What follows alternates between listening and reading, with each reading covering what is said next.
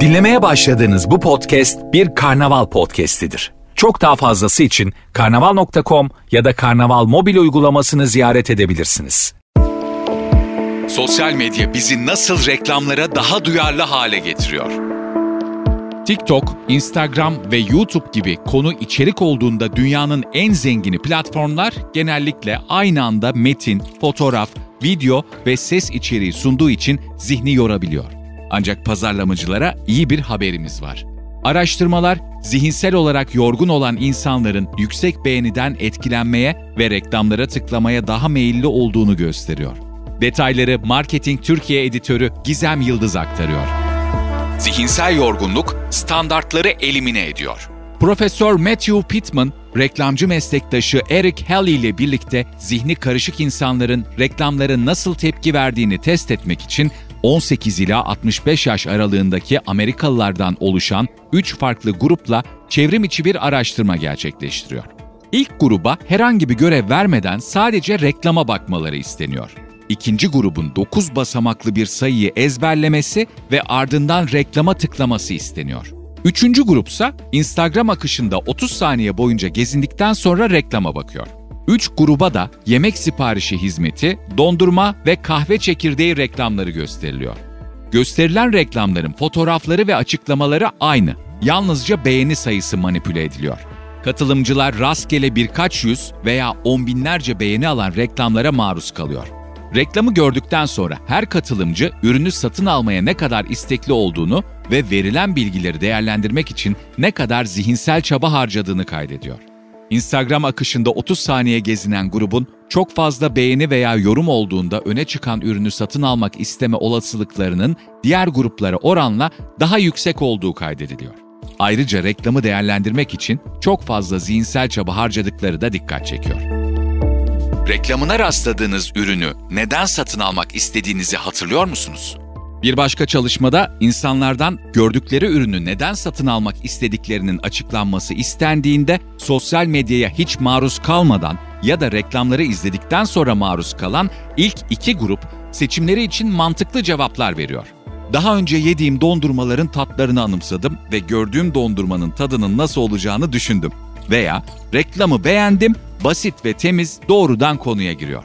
Ancak Instagram akışında 30 saniye vakit geçiren kişiler genellikle anlamsız cevaplar veriyorlar. Bir kısmı yemek veya tabak gibi tek kelimelik yorumlar yaparken bir kısmı ise resimde çok fazla kelime ve seçenek vardı diyor. İstisnai durumlar var. Araştırmacılar bu zihinsel tükenmişlik durumunu bilişsel aşırı yük olarak tanımlıyor. Sosyal medyayı kullanmak bunu tetikliyor çünkü pek çok farklı türde metin, fotoğraf ve video içeriğine maruz kalıyorlar. Birkaç saniye içinde eşinizden bir mesaj, iş arkadaşınızdan bir fotoğraf alabiliyor. Tüm bu kaydırma ve değerlendirme kendinizi bitkin ve dağınık hissetmenize neden oluyor. O da arkadaşınıza pizza yemeye gitmek isteyip istemediğini sorduğunuzda koşullar normal olduğunda maliyet, açlık, zamanlama veya mevcut bir programı olup olmadığı gibi çeşitli faktörleri göz önünde bulundurur. Şimdi aynı soruyu oda arkadaşınıza işe geç kaldığını hatırlarken ve eski sevgilisinden bir mesaj aldıktan sonra sorduğunuzu hayal edin. Artık akşam yemeğinde pizzanın iyi bir fikir olup olmadığını mantıklı bir şekilde değerlendirecek zihinsel enerjiye veya kaynaklara sahip olmayacaktır. Bunun tek istisnası bir kişinin belirli bir ürün veya fikirle ilgili çok fazla deneyime veya bilgiye sahip olması. Durum böyle olunca reklamı yapılan ürünü satın almanın gerçekten fayda sağlayıp sağlamayacağı değerlendirilebiliyor. Kahve çekirdekleriyle yapılan araştırmada kahve severler genel olarak çekirdek türü, kavurma seviyesi, menşei gibi birçok faktörü dikkatle değerlendirdiler. Yani bu insanlar kafaları karıştığında bile yüksek metriklere sahip reklamlara ikna olmadılar. Hangi sosyal medya platformu daha çok kafa yoruyor? Hangi sosyal medya platformlarının zihni daha çok tükettiği henüz bilinmiyor. TikTok, Instagram Reels ve YouTube gibi medya açısından zengin ortamlar formatı gereği metin, fotoğraf, video, animasyon ve ses içeriklerini bir arada sundukları için muhtemelen zihinsel olarak daha çok yoruyor. Bu platformlar aynı zamanda markalar için yüksek yatırım getirisi sunduğu için reklam verenler tarafından değer görüyor.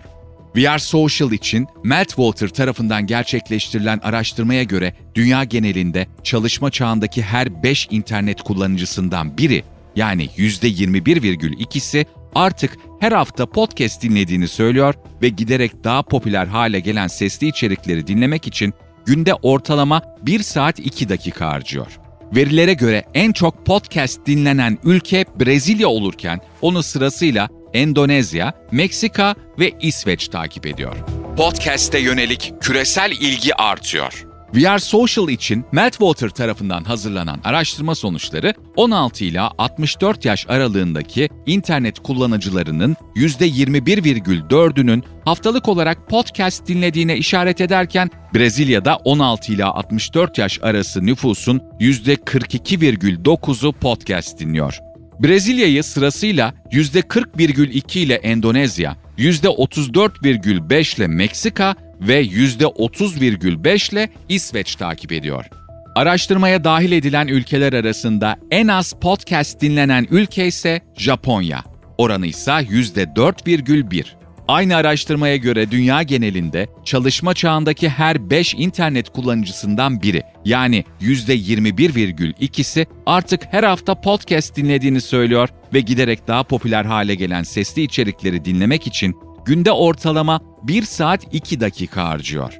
Edison Research tarafından yayınlanan verilerse podcast dinleyici kitlesinde günden güne cinsiyet eşitliğinin de dengelendiğini gösteriyor. Amerika Birleşik Devletleri'nde 18 yaşından büyük 1567 kadın katılımcıyla yapılan çevrim içi görüşmeler sonucunda elde edilen verilere göre en az bir defa podcast dinlemiş olan kadın dinleyici oranı 2017'de %37 iken 2022'de %56 düzeyine ulaşmış durumda. Bu veriye göre 2022 yılı itibarıyla podcast dinleyicilerinin %52'sini erkekler, %48'ini ise kadınlar oluşturuyor. Podcast'in küresel ekonomideki yansımalarını ortaya koyan araştırmalarsa podcast gelirlerinin 2021'de ilk kez 1 milyar doları aştığına ve o yıl %70'den fazla artarak yaklaşık 1,5 milyar dolara ulaştığına işaret ediyor. Süren artış trendinin bu yıl 2 milyar dolara ulaşması ve 2024'te de ikiye katlanması bekleniyor.